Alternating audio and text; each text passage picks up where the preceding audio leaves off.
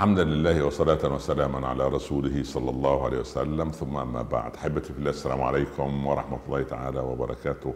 وبعد. كثير من أبنائنا يتساءلون أو يسألون آباءهم أو أمهاتهم آه، كيف يا أمي أو كيف يا أبي إذا دخلت وجدت آه، الإمام قد سبقني بركعة أو ركعتين؟ كيف أكمل ينقسم الآباء إلى قسمين. قسم مهذب مؤدب يقول الله أعلم نسال الشيخ أفضل وهذا نحترمه. والطرف الثاني أصلا من الأباء عالة على الآبائية في المجتمع أنهم أساسا لا يصلون ولا يذهبون إلى المسجد إلا ليصلى عليهم. وهؤلاء نسأل الله أن يهديهم وإيانا سواء السبيل. طيب يا ولدي كيف لي أن أصلي صلاة المسبوق. ما هي صلاة المسبوق؟ صلاة المسبوق أنني في صلاة الفرض أو صلاة الجنازة أو صلاة الاستسقاء فاتتني آه، يعني في صلاة الفرض فاتتني ركعة أو ركعتين أو ثلاثة وصلاة الجنازة فاتتني تكبيرة من التكبيرات إلى آخره. طيب ماذا أصنع؟ نعمل يعني مثال عملي. أنا دخلت المسجد وجدت الإمام في صلاة المغرب يقرأ بصوت بصلاة جهرية بقراءة يعني مسموعة. إذا هو في الركعة الأولى أو في الثانية. وجب علي أن أكبر تكبيرة الإحرام. قائما واقفا. لا يجوز أن يعني مثلا الإمام أنا دخلت لقيته بدأ يركع. ففورا بعض الناس يركع أو يعني يكبر تكبيرة الإحرام وهو في وضع الانحناء. هنا الصلاة باطلة.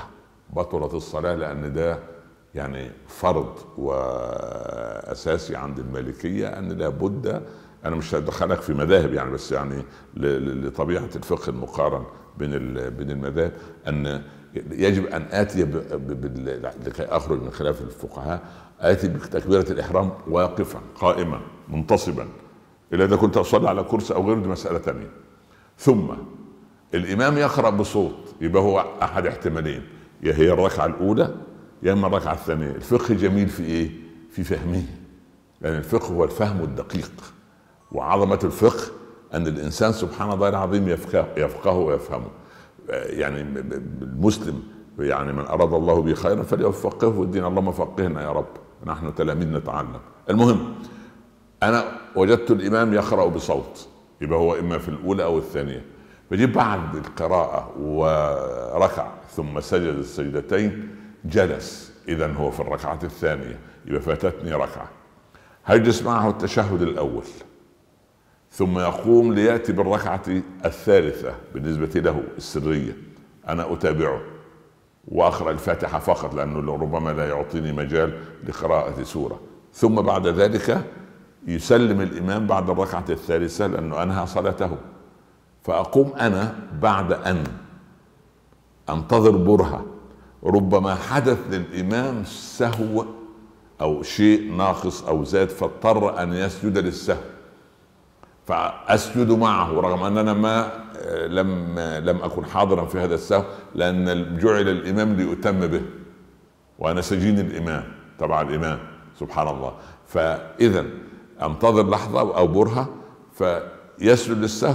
طبعا هناك خلاف يقول يقولون إن سجد للسهو قبل السلام أتابعه إن سجد بعد السلام لا أتابعه. هذه خلافات لا أدخلكم فيها. ولكن هو سجد السهو أسجد ثم أقوم. متى أنا أقف؟ عندما يسلم عن يمينه. السلام عليكم ورحمة الله. السلام عليكم ورحمة الله. لكن بعض الفقهاء يرون أن مجرد الإمام يسلم عن اليمين فقد انتهت الصلاة. بدءها التكبير وتحليلها التسليم. فأقوم أنا آتي بالركعة الثالثة للمغرب بفاتحة فقط ثم أجلس للتشهد الأخير التحيات إلى إنك حميد مجيد. هذه صلاة المسبوق بالنسبة للمغرب. طيب في بعض الأمور التي تتبع هذا الأمر وهو أن بعض من المسبوقين يأتي فلا يجد فرجة في الصف. ما فيش مكان. فيقف في الصف الثاني خلف الإمام يعني الصف الثاني أو الثالث سبحان الله في المنتصف. يجيز البعض انه يسحب إذا اطمأن إن مفيش حد هيجي تاني مصلين فيسحب واحد من المصلين في الصف الأول والتاني يلين له ليصلي بجواره. إن لم يستطع ما فيها مش مشكلة. ومن ضمن الأشياء المضحكة مرة شرحنا هذا الحكم في من 30 40 سنة فضحك أحد المريدين فماذا تضحك يا ولدي؟ قال يا شيخ أنا آه، لما شعرت أن واحد جه لوحده يصلي في الصف الخلفي قلت أتصدق عليه فأنا راجع عشان أصلي جنبه هو راح أخذ مكاني. فاحتل مكان الايه المصلي اللي آثر إلا أن يصلي خلف آه، معه يعني. طيب في أمر آخر. يعني من ضمن الأحكام صلاة المسبوق أنا دخلت في صلاة الجمعة فللاسف لم أحضر الخطبة ودي طبعا ضاعت الجمعة علي. ثم لما دخلت في الصلاة وجدت الإمام رفع من الركوع في الركعة الثانية. الفقهاء بعضهم يقول صلها صلاة ظهر أربع ركعات لأنك ما حضرت صلاة الجمعة. لأن هذا المصلي لم يحضر لا خطبة ولا ركعتين فانتهت الركعة الثانية بالرفع من الركوع فيعيد الظهر يصلي الجمعة هذه ظهرا يعني أربع ركعات. في قضية ثانية أنا دخلت المسجد وجدت الواحد كان مسبوق زيي بس كان مسبوق حصل ثلاث آه ركعات من الظهر مثلا وأنا حصلت ركعتين. هل يجوز لي أن أتابعه أو أن أصلا أنا داخل لسه؟ لقيت واحد وقف من خلف الإمام كان مسبوق. قام يجيب الركعة التي تركتها التي فاتته هل يجوز لي أن أكمل وراه يجيز بعض الفقهاء. هذا يجوز أن يصلي يأتم مسبوق بمسبوق والبعض الآخر من الجمهور لا يرون ذلك لأنه لا يجوز عندهم أن يصلي مسبوق بمسبوق. لكن الأحناف رحم الله الجميع وبورك في كل فقهائنا رحمهم الله أن يرون أن يصلي يجوز أن يصلي حتى مفترض خلف متنفل. أنا دخلت بعد صلاة المغرب كان الإمام صلى وخلص واحد بيصلي ركع يصلي يصلي. أنا لا أدري هل يصلي ركعتين أم أن يصلي نفلا.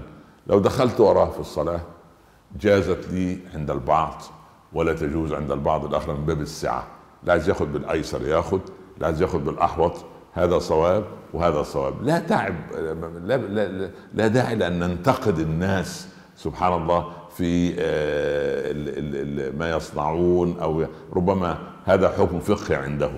الأمر الثاني آه، من من ضمن الطرائف التي حدثت في مسجد ما في قرية ما في بلد ما حصلت في حقيقة يعني أن رجلا آه، سمينا وله يعني منحنيات كبيرة آه، الكرش العربي المعروف المشهور يعني.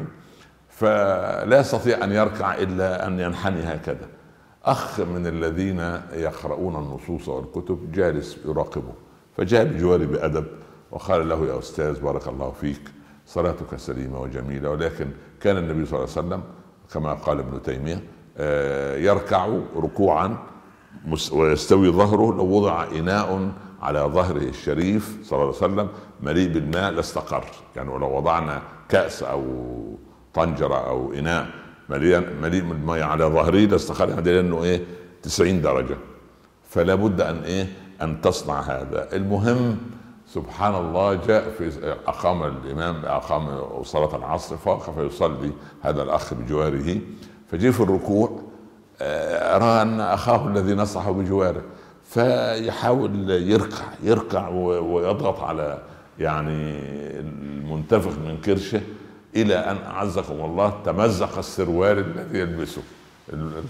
فنظر إلى الذي نصحه بجواره وقال له ها مبسوط ابن تيمية فرحان ابن تيمية على تمزيق السروال أو البنطلون. يعني هذه من طرائف المساجد التي تحدث.